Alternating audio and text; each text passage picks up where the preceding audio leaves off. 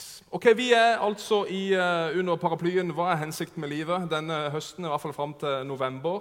Og, um, og det, det, Jeg skal ikke snakke om boka i dag. Jeg, egentlig så har jeg, en, jeg holder på med litt sånn oppvarming fram til uh, da vi egentlig skal begynne å, å, lese boka. Det er mange som har tjuvstarta, som står her og forteller om boka.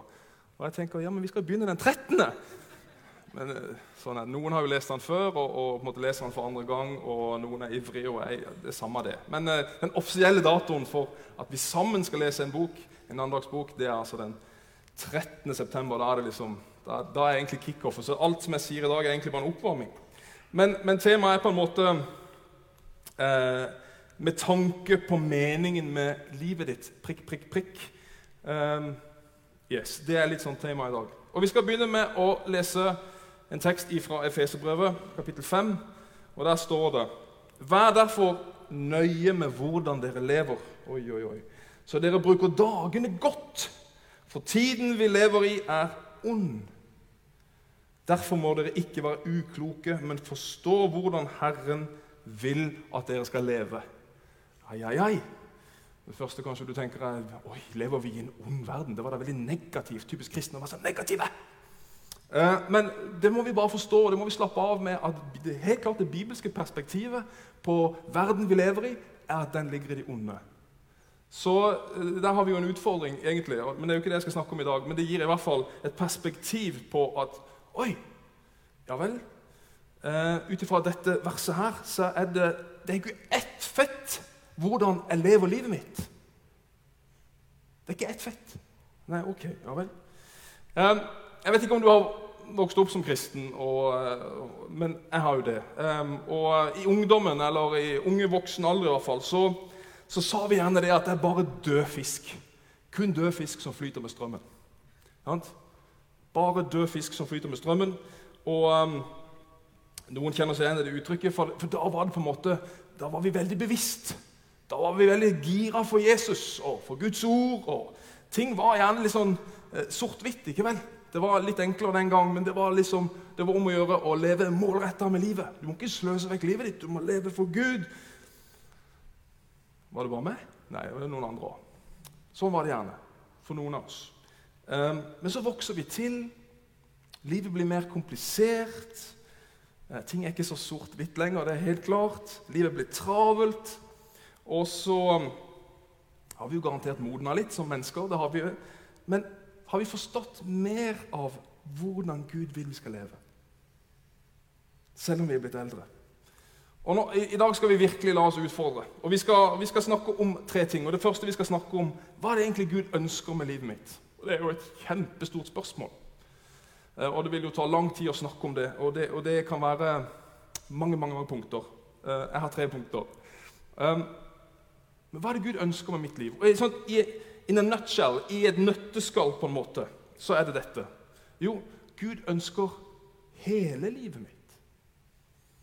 Gud ønsker hele mitt liv. Det er ikke bare 10% eller 50% Det er ikke sånn det er. Han vil ha hele livet mitt. Så vi, vi tenker jo gjerne Jeg vet ikke om du er i sånn kakediagrammer. Jeg kan gjerne tenke sånn at livet er litt sånn at ja, livet det, da har jeg trening, det er den kakestykket der. Og så har jeg Eh, jobben det er jo der, og så er det ekteskapet der. Sant? Og så vi, deler vi på en måte livet inn i sånne ulike kakestykker. Og så er egentlig bare Gud ett av dem. Så menighet eller Guds livet, Guds tro, det er på en måte en av disse kakestykkene. Men du vet at Gud han tenker ikke sånn. Nei, Gud han er sånn som meg. Han ønsker hele kaka. Mm. Det liker vi best. Han vil ha hele kaka. Han ønsker hele fatet. Han ønsker hele livet vårt. Og det er bare ikke sånn at i, i Bibelen, Du finner ingen bibelvers som sier at du kan bare leve som du vil. Ja, bare, le, bare lev som du vil. Det, det står ingenting. Ingen steder står det der. Men i Bibelen, bl.a. i Romerne 6, så står det Ikke la kroppen deres Den har jeg ikke her. Ikke la kroppen deres brukes til å være et redskap som fører til synd og urettferdighet, men bruk heller kroppen som et redskap for Gud, står det. Klar tale. Og så var det dette bibelverset her fra 5. Mosebok. Og nå, Israel, hva er det Herren din Gud krever av deg? Ah, dårlig stemning. Bare dette. Bare dette. At du frykter Herren din Gud, så du alltid går på hans veier og elsker ham og tjener Herren din Gud av hele ditt hjerte, av hele din sjel, og at du holder Herrens bud og forskrifter, som jeg gir deg i dag, sier Gud. Da skal det gå deg vel. Dette sa han jo til israelsfolket. Dette er jo fra Det gamle testamentet, så vi kan jo bare glemme det. Men nei, vent litt. Jesus dro jo opp dette, som Maria leste. Og han oppsummerer hele loven, hele Det gamle testamentet. Så sier han ja, du skal elske Herren din Gud av hele ditt hjerte, av hele din sjel og av all din forstand. Så det gjelder på en måte fortsatt. Han sier det på en litt annen måte. Men det er hele. Pjuh. Jeg liker å sitere C.S. Lewis, en kristen stortenker. Uh, og Han sa jo dette på engelsk. The only thing Christianity cannot be, is moderately important. Og Det er så godt sagt at det Så På godt norsk så, så kan det bli um, Det eneste troen på Jesus ikke kan være, er nokså viktig. Er du med? Fritt oversatt. Det eneste troen på Jesus ikke kan være, er nokså viktig. Ok, Men hvis budskapet om Jesus og det Bibelen forteller om livet vårt, hvis det er sant, hvis det virkelig er sant, så fortjener det hele mitt liv. Og hvis det ikke er sant, ja vel, da kan vi bare pelle med hele greia. altså. Kan vi bare gå hjem. Men vår utfordring er kanskje det at vi er blitt så moderate. Jeg vet ikke om du er enig med meg, men vi er blitt moderate. Og Kanskje er det fordi vi har vokst opp med dette budskapet. Du har vokst opp i kirkebenken, du har hørt det så mange ganger før. Det gjør ikke lenger inntrykk. Vi er blitt helt nummen. ikke sant? Eller kanskje er det fordi vi har mangel av rollemodeller. Mennesker som faktisk lever dette livet, som vi kan wow, følge og som vi kan liksom, wow, lære noe av, som kan inspirere oss. Eller kanskje er det at vi, vi kjenner budskapet godt. Ja, Vi ser det lite i praksis. Kanskje er det også fordi vi har lært oss kunsten etter hvert som vi har vokst, om å bagatellisere.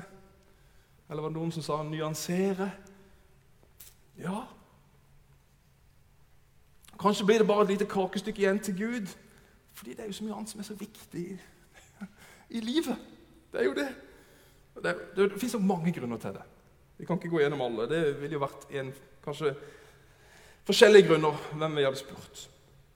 Men det som er helt sikkert, det er i hvert fall at tiden vi lever i, den liker ikke fanatikere. Fanatikere, altså de som ensidig og lidenskapelig hevder et standpunkt, det er en fanatiker.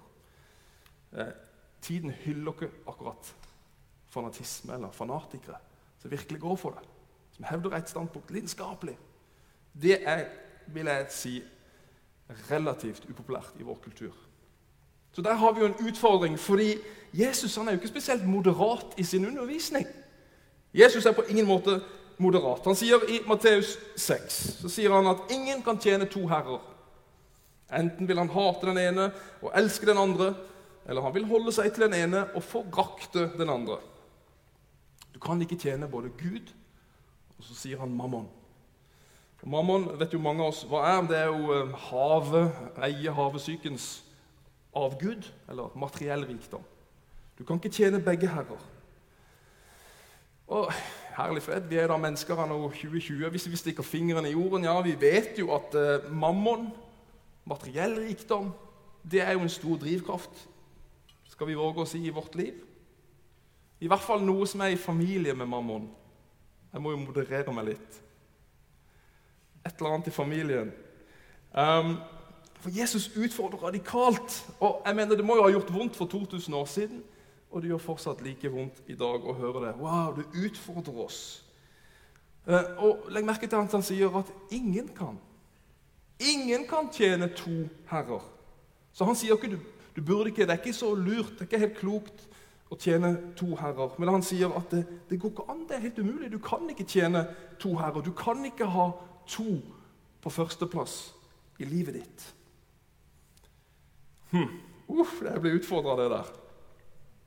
Men det er, det er, langt flere enn bare penger og rikdom og dette her som kan, eh, som kan dytte Gud ut av førsteplassen i livet vårt. Jeg mener, Det er mange ting som kan gjøre det. Og det er jo sant. TV-en TV kan dytte livet Gud langt ned på prioriteringslista vår. Eh, en relasjon. en hobby, en, en aktivitet, skole. Ja, familien kan faktisk også dytte Gud nedover prioriteringslista. Så spørsmålet er hva er på førsteplass i livet ditt og i livet mitt? Er det viktigste for oss å bygge en karriere? Er det å bygge en familie? Er det å være sprek? Smart, kanskje? Eller er det det å planlegge og forberede en god pensjonisttid? Ingenting er jo galt med de målene. Vi er jo mennesker. Det er godt å leve med. Vi skal, vi skal virkelig jobbe hardt. Vi skal, vi skal, elske jobben vår, og vi skal fostre barn, og vi skal trene og vi skal spare pensjonspoeng. Og Mye av dette sier Bibelen er viktig. Men skal det være det viktigste? Hm. Og Bibelen sier faktisk at alt utenom Gud på førsteplass, det er en avgud. Uff, vi liker ikke å snakke om det. Hallo, avgud! Da må du roe deg ned, pastor. Det er jo ingen altre hjemme med penger på eller med trening på. Altså, vi dyrker jo, tilber jo ikke dette her opplegget her. Er du gal? Nei, det er jo ikke sånn det fungerer. Men tilbedelse, og det, det Bibelen mener her, er jo at det er det hjertet vårt trakter etter. Det vi sentrerer livet vårt rundt. Det vi bruker energi og tid og virkelig krefter og oppmerksomhet på.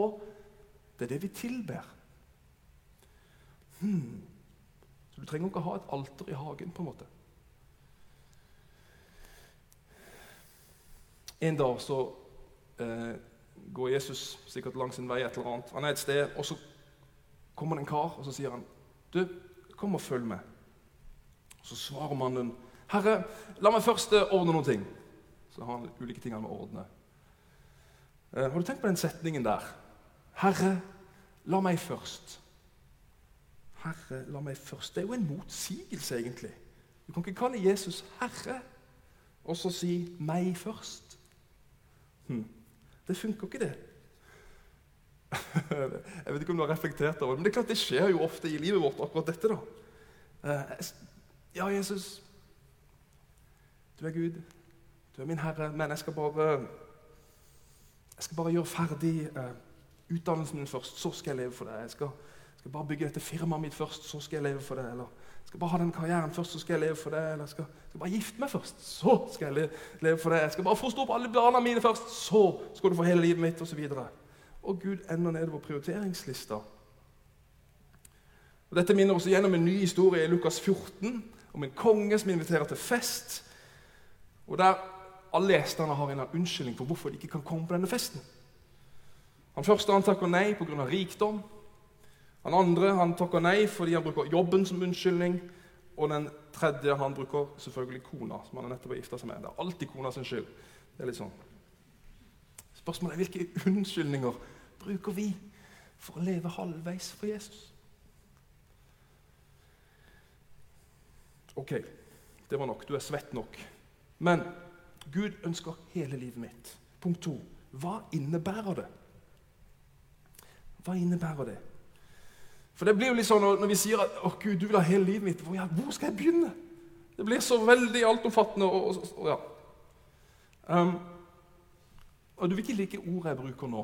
For jeg tror mange av oss vi bruker gjerne hele livet på å unngå det. faktisk.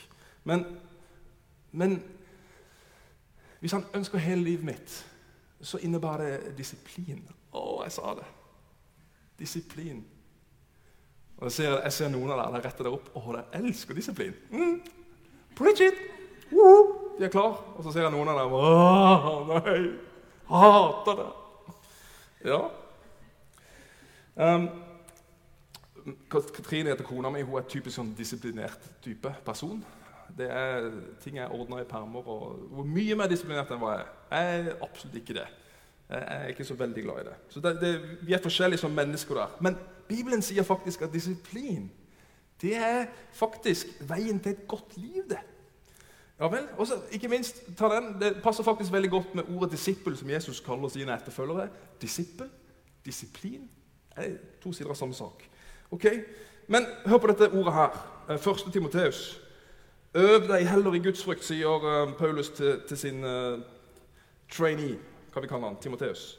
Øv deg heller i Guds frykt, for kroppslig øving er nyttig til noe, men Guds frykt er nyttig til alt. Til den er det knyttet et løfte både for dette livet og for det som kommer. For oss som er veldig glad i trening, det, det, det hits hard. altså. Jeg synes, uff. Gudsfrykt. Øv deg heller i Guds frykt. Og øv dette ordet her og gresken og gå i dybden på det, så ligger ordet disiplin i det. Disiplinere deg, øv deg, tren deg heller i Guds frykt. På godt norsk så blir det 'bli heller åndelig sprek'.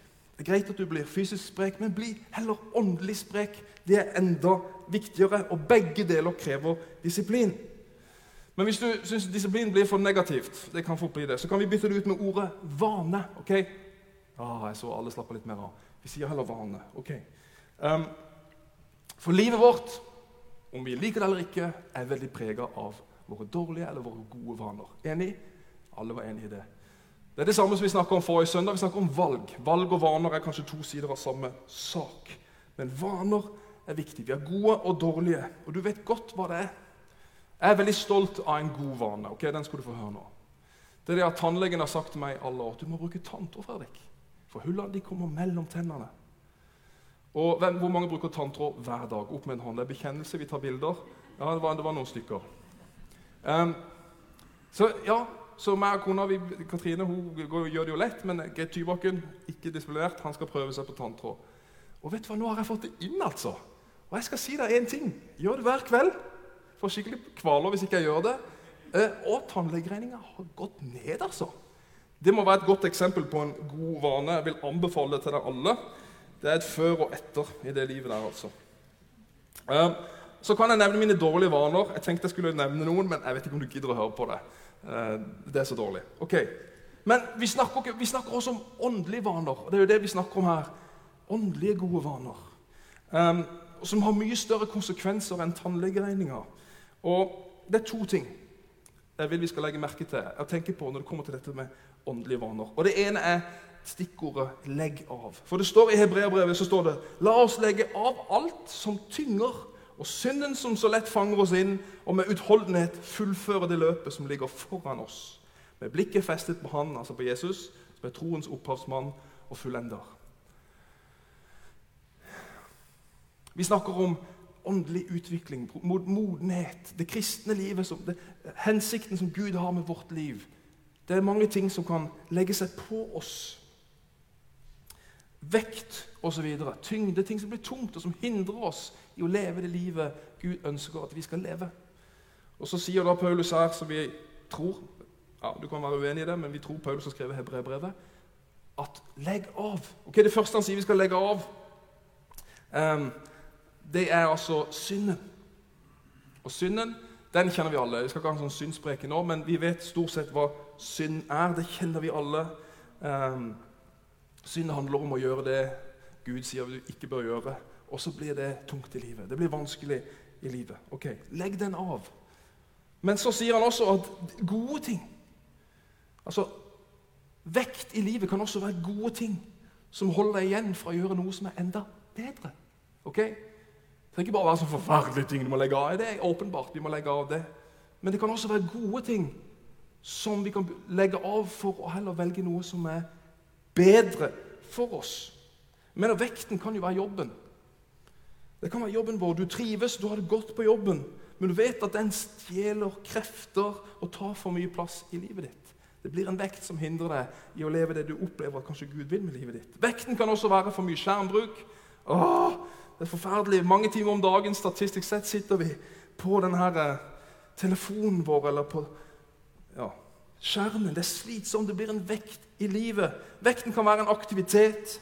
Ja, det kan være for høye forventninger til oss sjøl, eller frykt, som vi snakka om sist.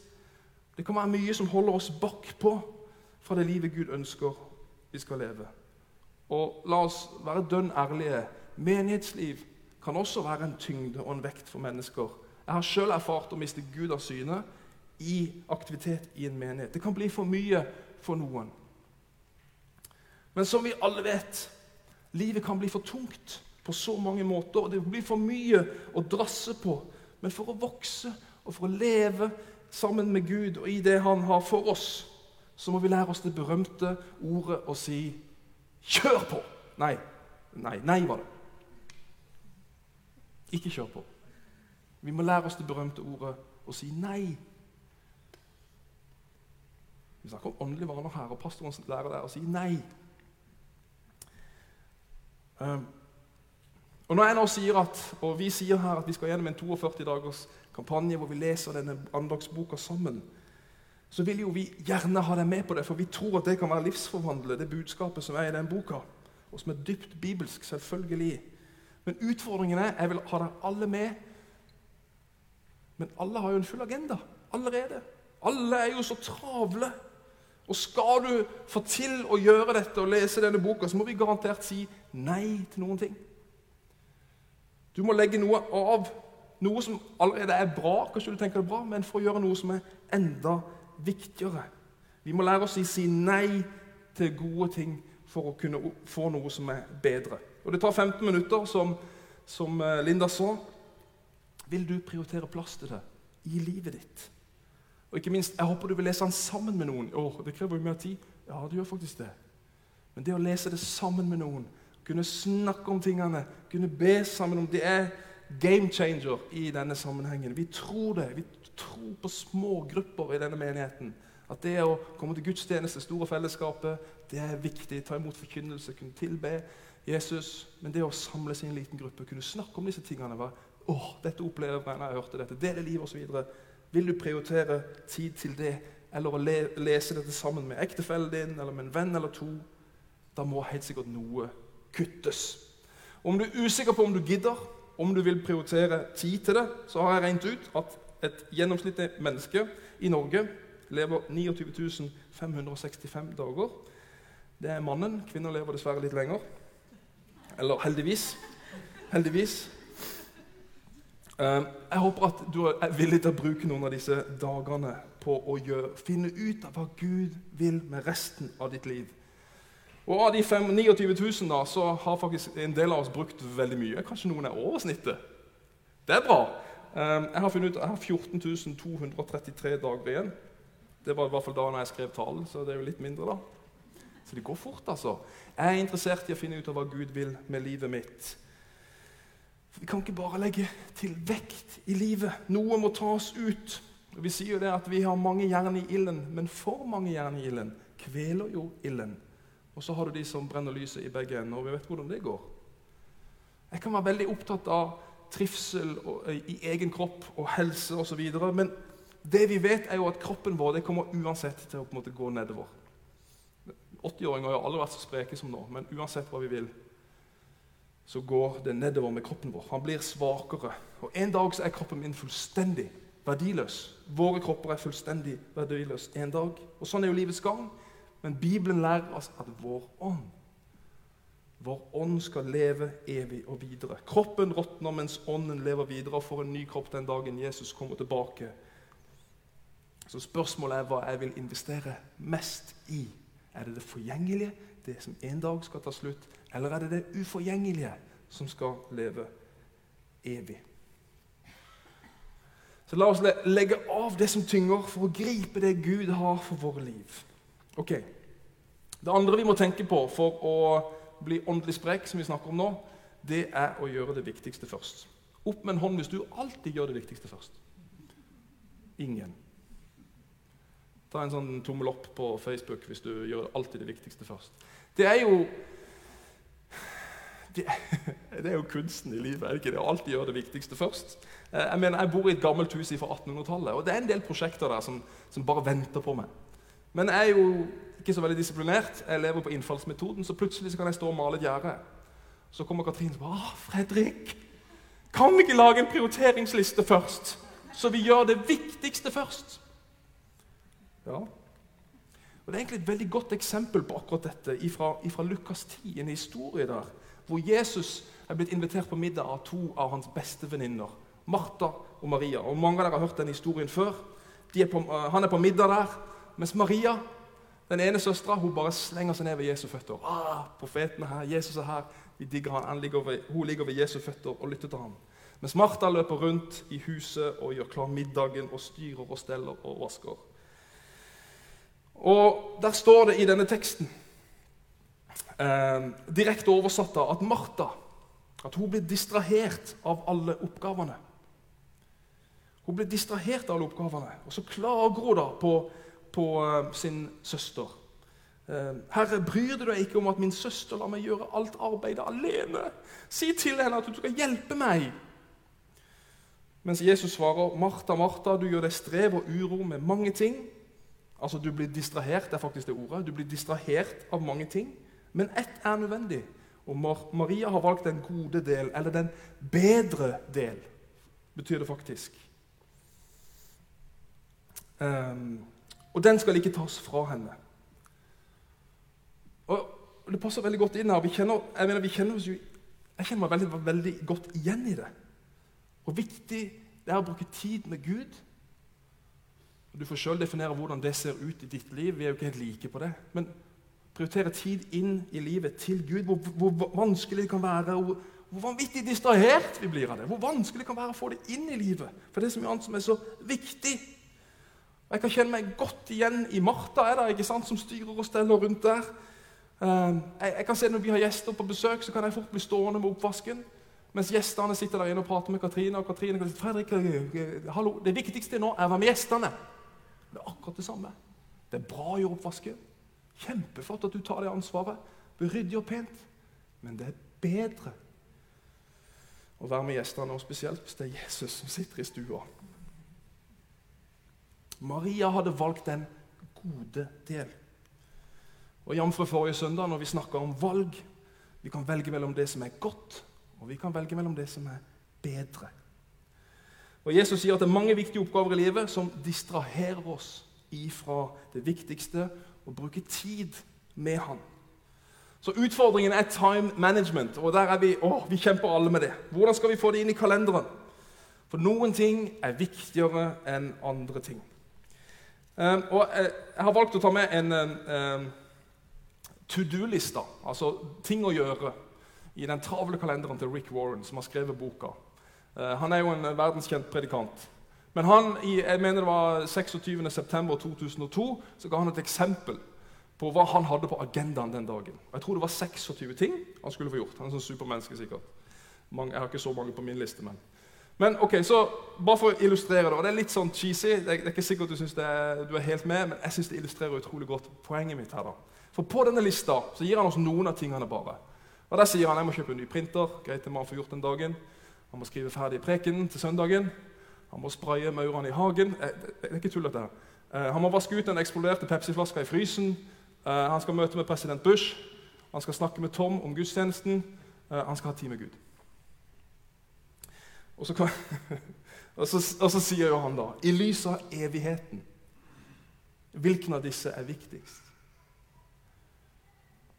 I lys av evigheten, hvilken av disse er viktigst? Nei, det var ikke møtet med president Bush. Så sier han at for en dag uten å møte med han som har skapt meg, var meningsløs. Og jeg, ja, jeg, jeg, Det er litt cheesy, men allikevel. Det illustrerer utrolig godt poenget. At det å møte med Gud Jeg tenkte, jeg tenkte å, det, det, det, er viktig. Men det viktigste for han var å møte med Gud. Jeg tror han på det. Og Kanskje har du aldri tenkt og reflektert rundt dette her. Eh, men jeg antar at en del av oss vi kjemper med å få tid med Gud. Sentrere livet vårt rundt Han. Det er en utfordring. Og det er ikke minst en utfordring å gjøre det viktigste først. Og Vi er forskjellige. Noen er disiplinerte, og noen er ikke det. Men vi må lære oss å prioritere, sette grenser for oss sjøl, så vi investerer tiden vår i noe som varer. Ok, Siste punktet.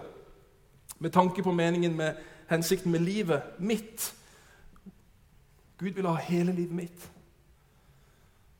Det innebærer ja, en del vaner, det innebærer en del tak og prioriteringer å sette Gud først. Men hvorfor i all verden skal jeg gidde å gjøre det? Gidde å gjøre det? Hvorfor skal jeg gi hele livet mitt til Gud?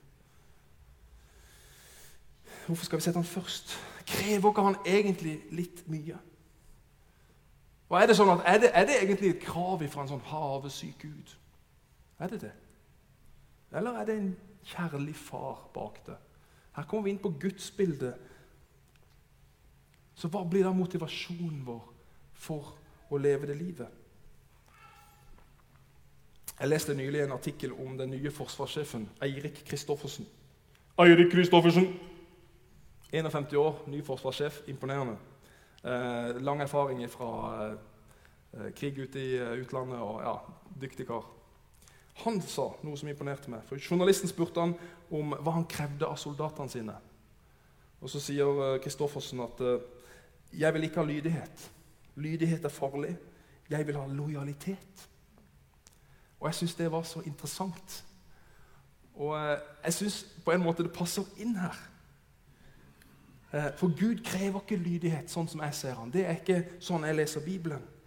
Nå, nå, nå skal vi lese Bibelen og hele Det gamle testamentet gjennom linsene til at Jesus døde på Golgata kors. Da ser vi at Gud krever ikke lydighet, men han gir oss valgmuligheter.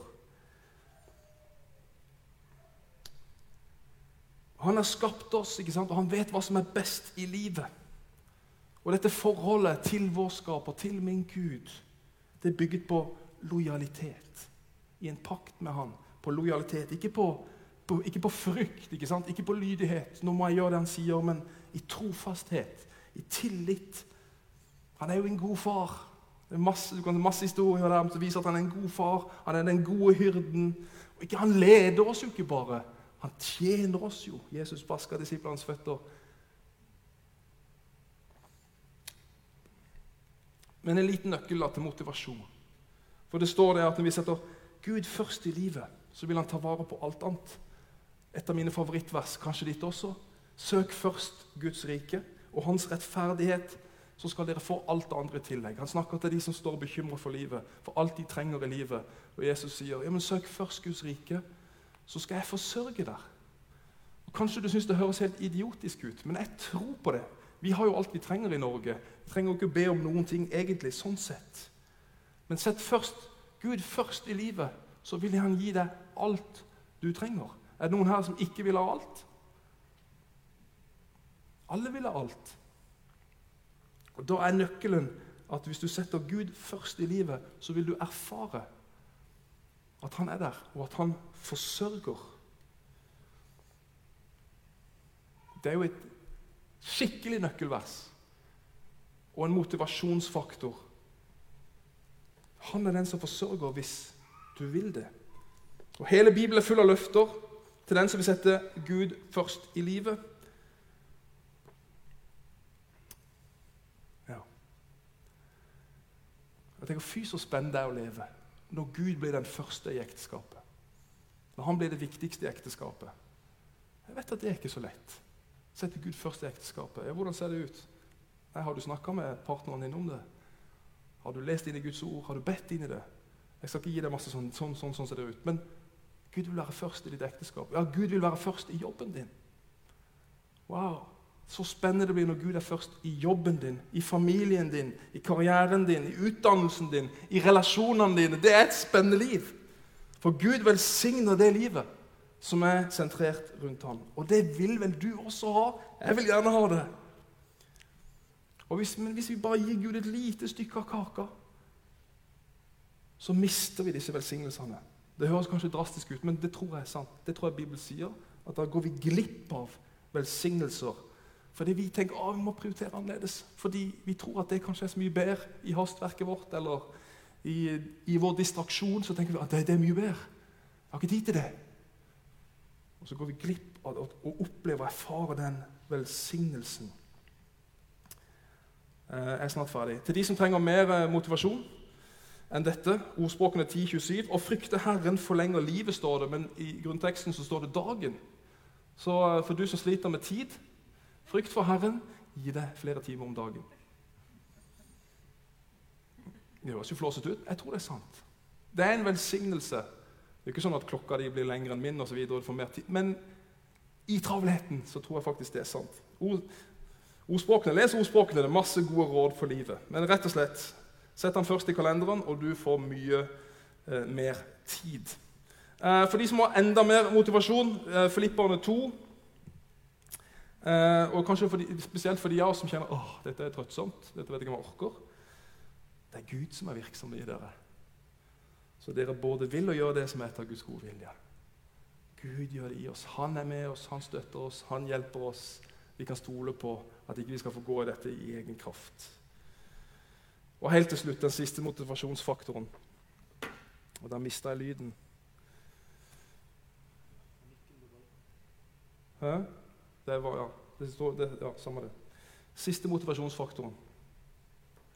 Og For noen av dere vil kanskje det være nok. Det vil si at Fredrik, du kunne bare droppe alle de andre. Fordi det er en stor nok motivasjonsfaktor for meg at Jesus døde for meg på korset, og at han sto opp igjen. Det holder. Og Det er jo her det blir veldig personlig. Korset. For noen av oss ikke sant, så fylles øyekroken med tårer fordi det er så sterkt emosjonelt. For andre så er det ikke tårer, men vi kjenner, vi kjenner kanskje ikke på de store følelsene, men det gir bare likevel dyptgripende konsekvenser for livet at Jesus døde for meg. For hva hadde vi vært uten korset? Golgata kors. Boom, som sønnen min sier.